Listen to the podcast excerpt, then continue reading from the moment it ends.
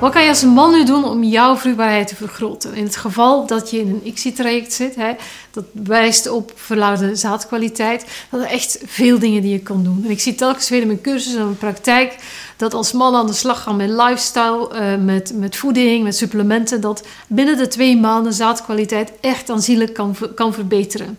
Onlangs nog had ik een, een man in mijn cursus en die die schreef een mailtje. Erika, twee maanden later, ik heb mijn voeding aangepast, ga meer sporten. Ik slaap veel dieper en beter en ik neem supplementen. En mijn zaadkwaliteit is van 1,3 miljoen naar 9,6 miljoen gegaan. Jippie, geen exit-traject meer.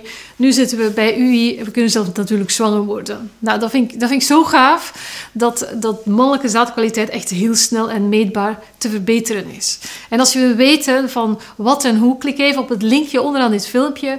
Dan kan je, dan kan je kijken van welke stappen jij kan nemen. Nu kan het ook zijn dat jouw zaadkwaliteit helemaal goed is, honky dory, superman kwaliteit, of in ieder geval goed genoeg om natuurlijk zwanger te worden of, uh, of om een UI-traject mee in te gaan.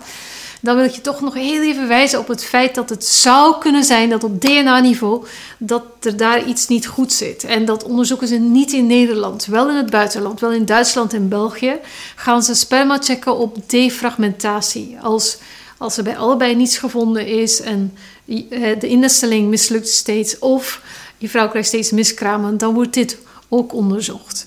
En wat kan je daar nu zelf aan doen aan die defragmentatie?